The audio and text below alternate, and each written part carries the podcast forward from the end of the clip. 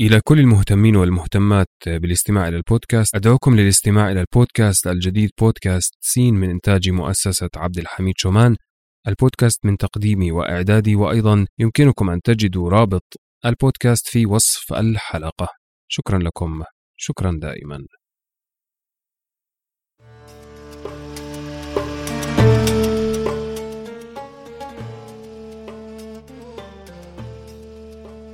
كان يا مكان في قديم الزمان وسالف العصر والأوان ملك يدعى شهريار يحب الاستماع إلى قصص الإنس والجان.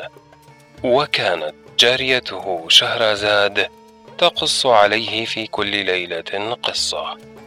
هذا بودكاست ألف ليلة وليلة الموسم الثالث.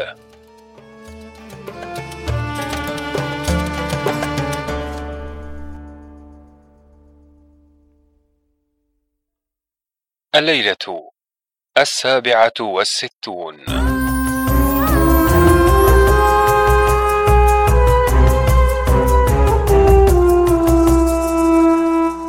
حكاية الملك عمر النعمان مع ولديه شركان وضوء المكان.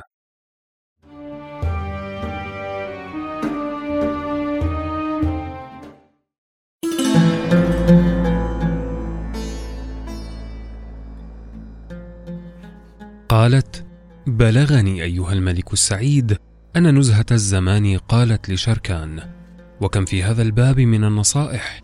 إني لاعجز عن الإتيان لك بجميع ما في هذا الباب في مجلس واحد. ولكن على طول الأيام يا ملك الزمان يكون خير. فقالت القضاة أيها الملك إن هذه الجارية أعجوبة الزمان ويتيمه العصر والأوان فإننا ما رأينا ولا سمعنا بمثلها في زمن من الأزمان ثم إنهم دعوا للملك وانصرفوا. فعند ذلك التفت شركان إلى خدامه وقال لهم أشرعوا في عمل العرس وهيئوا الطعام من جميع الألوان.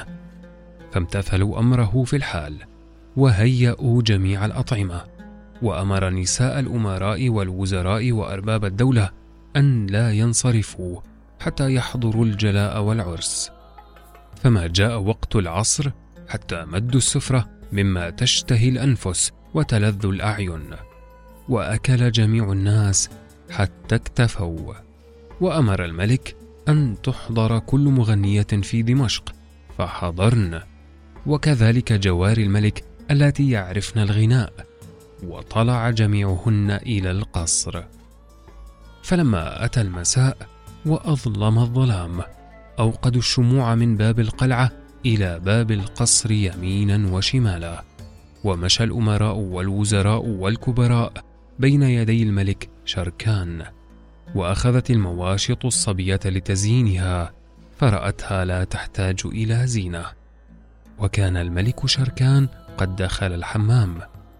فلما خرج جلس على المنصة وجليت عليه العروس ثم خففوا عنها ثيابها وأوصوها بما توصى به البنت ليلة الزفاف ودخل عليها شركان وأخذ وجهها وعلقت منه في تلك الليلة وأعلمته بذلك ففرح فرحا شديدا وأمر الحكماء أن يكتبوا تاريخ الحمل فلما أصبح جلس على الكرسي وطلع له أرباب دولته وهنأوه وأحضر كاتب سره وأمره أن يكتب كتابا لوالده عمر النعمان بأنه اشترى جارية ذات علم وأدب قد حوت فنون الحكمة وإنه لا بد من إرسالها إلى بغداد لتزور أخاه ضوء المكان وأخته نزهة الزمان وإنه أعتقها وكتب كتابه عليها ودخل بها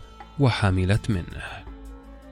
ثم ختم الكتاب وأرسله إلى أبيه صحبة بريد. فغاب ذلك البريد شهرا كاملا ثم رجع إليه بالجواب وناوله إياه فأخذه وقرأه. فإذا فيه بعد البسملة. هذا من عند الحائر الولهان الذي فقد الولدان وهجر الأوطان الملك عمر النعمان. إلى ولده شركان. اعلم أنه بعد مسيرك من عندي ضاق علي المكان حتى لا أستطيع صبرا ولا أقدر أن أكتم سرا. وسبب ذلك أنني ذهبت إلى الصيد والقنص وكان ضوء المكان قد طلب مني الذهاب إلى الحجاز. فخفت عليه نوائب الزمان ومنعته من السفر إلى العام الثاني أو الثالث.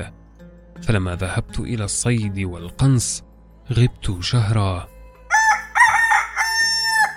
وأدرك شهرزاد الصباح فسكتت عن الكلام المباح.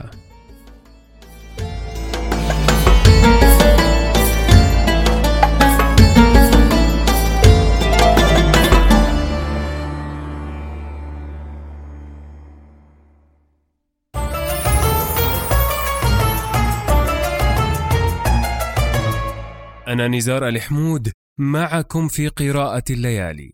لا تنسوا مشاركة الليالي مع من تظنون أنهم سيحبون ذلك. شكرا لكم، شكرا دائما.